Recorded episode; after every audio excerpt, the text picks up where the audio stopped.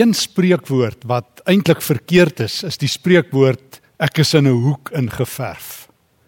Ehm um, mense word nie in hoeke ingeverf nie. Ons verf onsself in hoeke in. Ons is nie slagoffers van hoeke nie. Dit gebeur met ons. En tog is dit so dat baie van ons voel ons is in die hoek. Ons is in 'n skaakmat posisie. Die lewe en onsself deur ons eie toedoen het onsself rondgeskuif totdat daar nie meer 'n skuif oor is nie totdat ons soos die spreekwoord sê in die hoek is vasgeverf met ons eie verfkwas. Dit gebeur in die vroeë lengte een middag met niemand minders nie as die groot koning Dawid. Hy skrywe of ek lees die verhaal van van Dawid se groot hoekgeverfde skuif in 2 Samuel hoofstuk 11 Dit was in die vroeë lente, lees ek in 2 Samuel 11 vers 1. In die tyd waarin die konings gewoonlik optrek om oorlog te maak, en toe het Dawid op 'n keer vir Joab en sy soldate en die hele Israel uh, uitgestuur en hulle het nou die Ammoniete gaan beveg. Maar Dawid was nie op die strydveld nie. Ek lees vers 2 van 2 Samuel 11. Eendag het hy na sy middagslaapie opgestap en op die dak van die paleis gaan rondstap. Van die dak af het hy 'n vrou gesien bad. Sy was 'n baie mooi vrou. Dawid het oor haar laat navraag doen en iemand het gesê dit is Batseba, dogter van Eliam, die vrou van Uria die Hetit. Dawid het toe sy amptenare gestuur en haar laat haal. Sy het na hom toe gekom en sy het by hom geslaap en daarna sy terug huis toe. Die vrou het swanger geword en vir Dawid laat weet ek is swanger. En toe Dawid nou uh die man van ehm um, Batseba laat kom. Uria ehm um, moes toe nou van die strydveld afkom en dan lees ek Dawid het hom toe nou uitgevra in 2 Samuel 11 vers 7. Nou hoe dit daar hoe gaan dit nou met die oorlog? Wat is naakse vraag? Jy weet, hoe gaan dit nou met die weer? Hoe gaan dit nou met corona? Hoe gaan dit nou met die oorlog? Nee, ons gaan dood generaal. Nee, ons gaan dood koning. Uh wat se antwoord gee mens nou? Hoe gaan dit nou met die oorlog? In elk geval, nou sê Dawid vir hom: "Gaan 'n bietjie huis toe en rus 'n bietjie." En uh toe Uria uit die paleis gaan, het die koning ook nog 'n geskenk vir hom gestuur. Maar hy wou nie huis toe gaan nie, vers 9. Hy het in die paleis deur gaan slaap by die slawe van die koning. En hulle het dit vir Dawid gesê en hy het weer aangedring dat Uria moet huis toe gaan en hy sê hy kan nie huis toe gaan as sy eie troepe in die strydveld is en hulle is besig om te veg nie. En toe het Dawid hom weer laat kom, hy het hom dronk gemaak en uh toe het hy hom uiteindelik na 'n lang gesukkel teruggestuur na die strydveld met 'n brief aan sy aanvoerder dat hulle hom op die voorste punt van die leer moet sit sodat hy eers sterf. En dan uh, het dit gebeur en dan lees ek in die laaste woorde van 2 Samuel 11 dat uh dat hy gesterf het en dat Batseba hierdie verhaal gehoor het en ehm um, dat sy toe uiteindelik swanger was en 'n kind gebaar het en uh hierdie kind in die wêreld gebring het en dan staan daar wat Dawid gedoen het was verkeerd in die oë van die Here. Bekende storie. Dawid se oorspel met Batseba. Dawid wat terwyl sy soldate veg homself in 'n hoek in verf deur op die daktuin van sy paleis te staan en die buurvrou af te loer afloer is 'n ding wat baie mense doen. Uh ons weet van almal se internet eskapades wat onwettige webblaaie afloer. Ons weet van mense wat mekaar afloer. Ons weet van mense wat die sonde stilletjies dophou. Dis die lewe. Die hartseer lewe van baie mense. Feit is, afloer is uit. Vra maar vir iemand wat iemand afloer wat eksamens skryf. Mense noem dit dit is onwettig. Vra maar vir koning Dawid, plek sit hy op die oorlogsveld is, staan hy op sy daktuin en kyk. Nou hier's die ding. Ek weet Martin Luther het op 'n dag gesê jy kan nie keer dat 'n mossie oor jou kop vlieg nie. Maar jy kan keer dat die ding in jou hare nes maak. Dis vir my nogal 'n groot stuk lewenswysheid. Versoekings kom en versoekings gaan. Maar die keuse is jou nou of jy jou in 'n hoek gaan laat vasverf al dan nie. Versoeking, so sê Paulus ook vir ons op sy eie maniere, kom nie in die gestalte van 'n 10 ton lorry in jou lewe ingery nie. Hy sê vir die Korintiërs in uh, 1 Korintiërs 10, saam met elke toets gee God ook uitkoms. God weeg elke toets. En hy maak seker wanneer die lewe en versoekings my toets, dan hoef ek nie in 'n hoek vasgeverf te word nie. Dit is Jakobus in Jakobus 1 wat sê dat dat versoeking soos soos wat dit in die boodskap vertaal is, soos 'n skoenlapper is wat my wat my al dieper en dieper en dieper trek en ek hardloop agterna. Maar die keuse is altyd myne. Ek het geleer op enige plant kan mens een van twee dinge gooi en albei werk, water en gif. Jy moet kyk, dit werk. Gooi jy water, groei dit. Gooi jy gif, sterf dit. En dit is dieselfde. Dit is hoe mens uit 'n hoek uitkom waarin jy jouself vasgeverf het. Jy uh, gooi water of gif.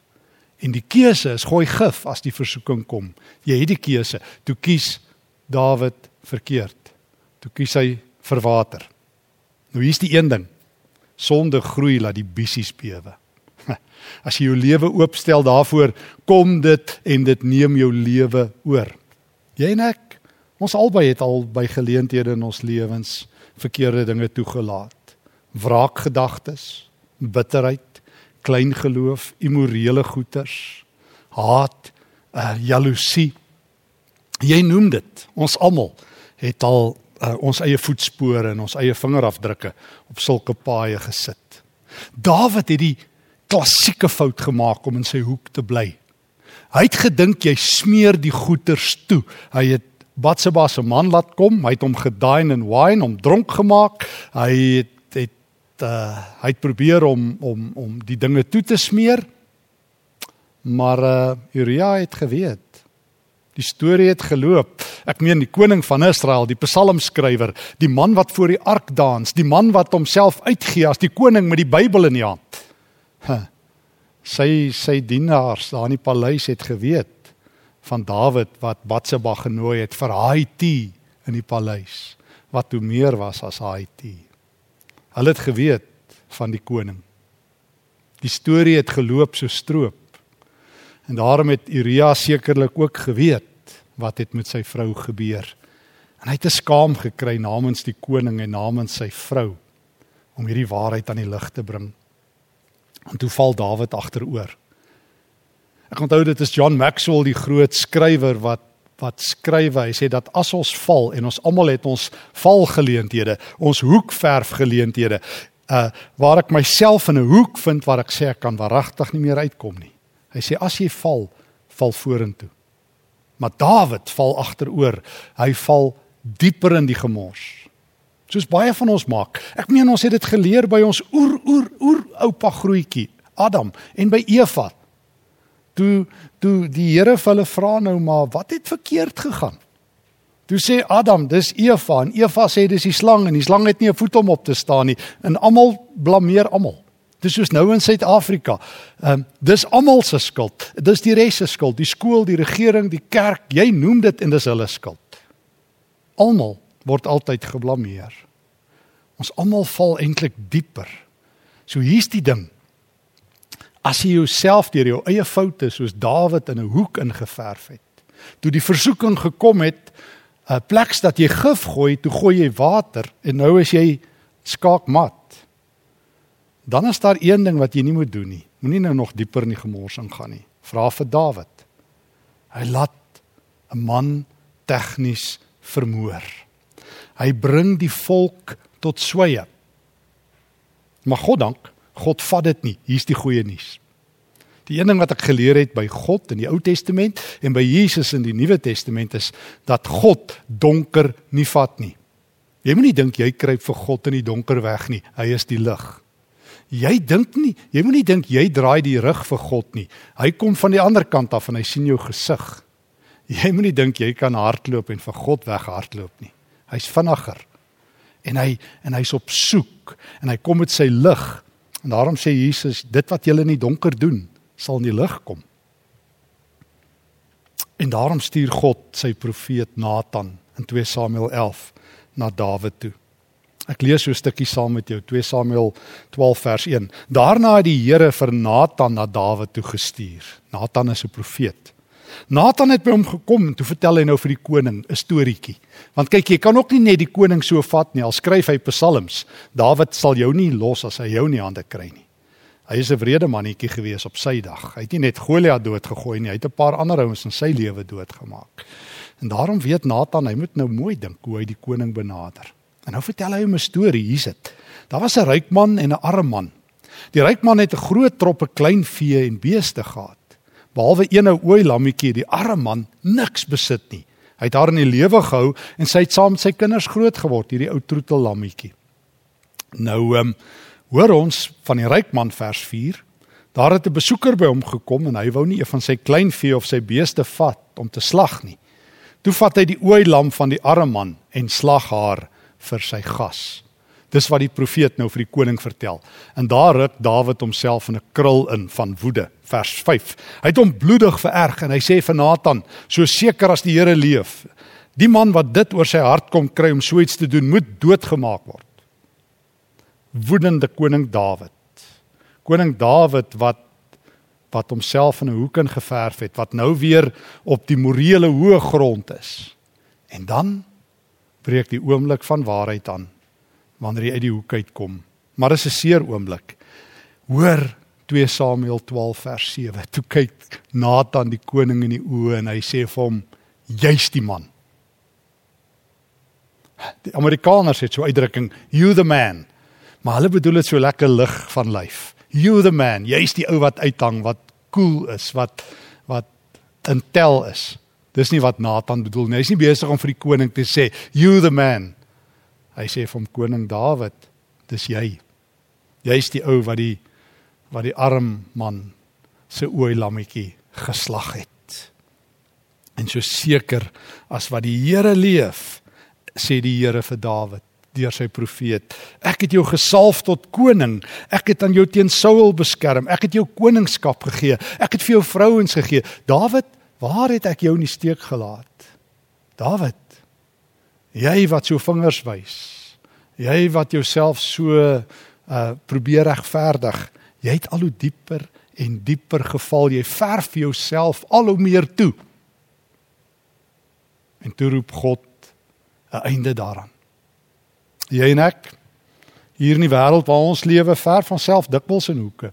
Ons brand verhoudings. Ons doen 'n sonde wat ons wegsteek en hoe meer ons dit wegsteek, hoe meer ry dit ons gewete en hoe harder word ons. Ek het al agtergekom, ouens wat wat groot donkertes probeer wegsteek, is dikwels baie aggressief en beklei. Ek onthou um, van 'n joernalis wat vertel het dat um, hy 'n onderhoud gehad het 'n Britse joernalis met die dogter van Josef Stalin. En sy het vertel dat Josef Stalin, soos ons weet, wat uh miljoene van sy eie mense laat vermoor het, 'n brutale ateïs was. Sy het vertel van haar pa se sterfbed toe hierdie Russiese diktator sterf. Het hy vir 'n oomblik oorent gekom en sy vuis teen die hemel gebal. Soos te ware om vir oulaas vir God te sê ek daag u uit. En hy het teruggeval in sy bed en gesterf. Josef Stalin was as 'n jong student ingeskryf by 'n teologiese seminarium. En toe daar dinge gebeur wat hom dieper en dieper verder en verder van God af laat weggaan het. Wat hom tot op sy sterfbed verbitterd gehad het. Moet dit nie doen nie. Jou jongste val is nie die som totaal van jou lewe nie. Jou nuutste sonde beteken nie God het jou afgeskryf nie. God stuur by wyse van spreuke vir Nathan na ons toe, na jou en na my toe wat in hierdie hoek vasgeverf is en sê jy's die man. Stop dit. Hou op. Val vorentoe as jy moet val. Val in God se arms as jy moet val. Hou op hardloop. Hou op weghardloop. Hou op wegvlug. God is 'n spoorsnyer en het jou ingehardloop deur Jesus deur sy goeie gees en hy klop aan jou deur. En nou is dit die einde van Dawid se gemors. Hy skryf 'n Psalm. Psalm 51. Een van die mooi psalms waar Dawid eerlik voor God is. Honest to God. Daar staan in Psalm 51 vers 1 vir die koorleier 'n psalm van Dawid na aanleiding daarvan dat die profeet Nathan na hom toe gekom het oor sy oorspel met Batseba. Dawid gaan publiek. Dawid sê as die Here van my sondes weet, kan ek dit nie meer wegsteek nie. Dawid is broos en breekbaar. Ewe skielik is daar 'n einde aan die hoek. God maak vir hom 'n deur. God sê, daar is nog een skuif op die bord. Dit is nie skaakmat nie. Nie as die Here opdaag nie, nie as hy opdaag met genade nie. En Dawid val in God se arms. Hy wat bloed op sy hande het, wat leuns op sy lippe het, wat 'n harde hart het, is vir 'n slag so eerlik soos kan kom. Wees my genadig o God in die troue liefde. Wis my oortredings uit in die groot jammerhartigheid. Was my skoon van my skuld reinig my van my sondes. Ja, my oortredings ken ek en van my sonde bly ek altyd bewus. Teen U alleen het ek gesondig. Ek het gedoen wat verkeerd is in U oë. Dawid breek voor die Here. Dis 'n goeie plek om te wees met jou foute. Dis die beste plek. Dis die beste plek as jy in 'n hoek is om by God te wees daarmee. Om vir die Here te sê, Here, kyk hier, kyk wat bring ek vir U. Here, hierdie hande is besoedel. Here, dis ek. Dis niemand anders nie. Ek het hierdie rede veroorsaak. Here, dis ek wat gevlug het. Ek kan nie meer nie. Here, hier kom ek met met my gemors. Wees my arme sondaar genadig. Soos wat die tollenaar uitroep in Lukas 18 wanneer God se lig op hom val.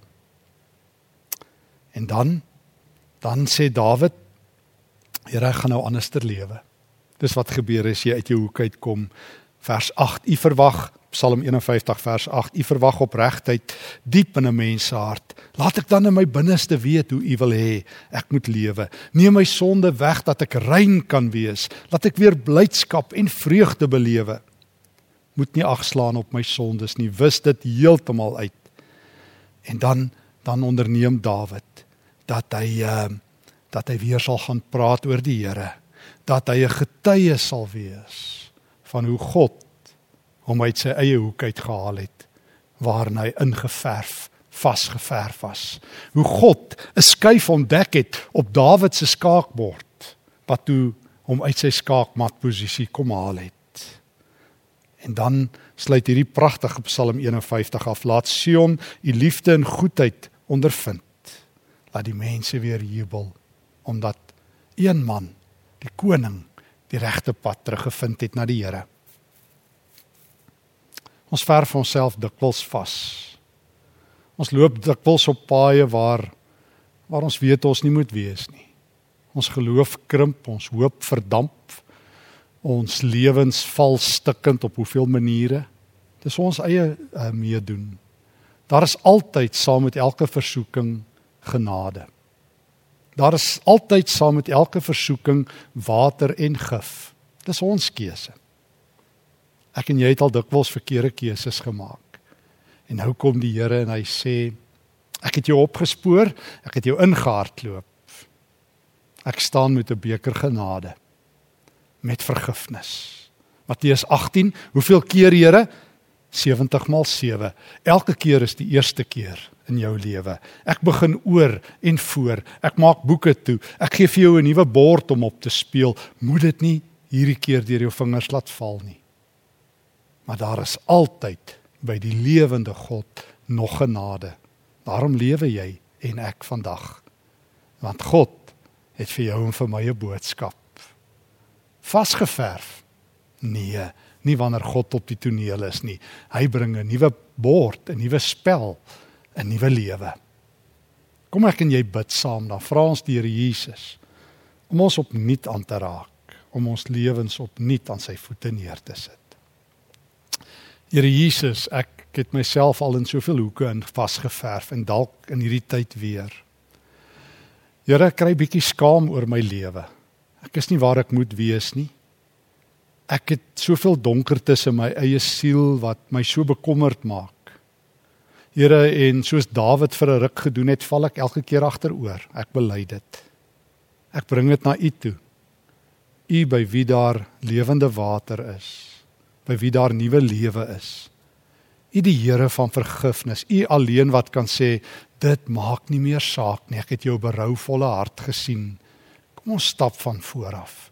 Ek aanvaar opnuut vir die eerste keer, vir die 100ste eerste keer u vergifnis, u liefde. Here leer my om weer met blydskap te lewe, om weer te juig en te jubel.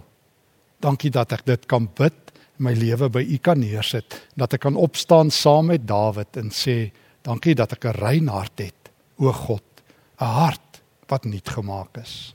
En ek dankie daarvoor in die naam van Jesus. Amen.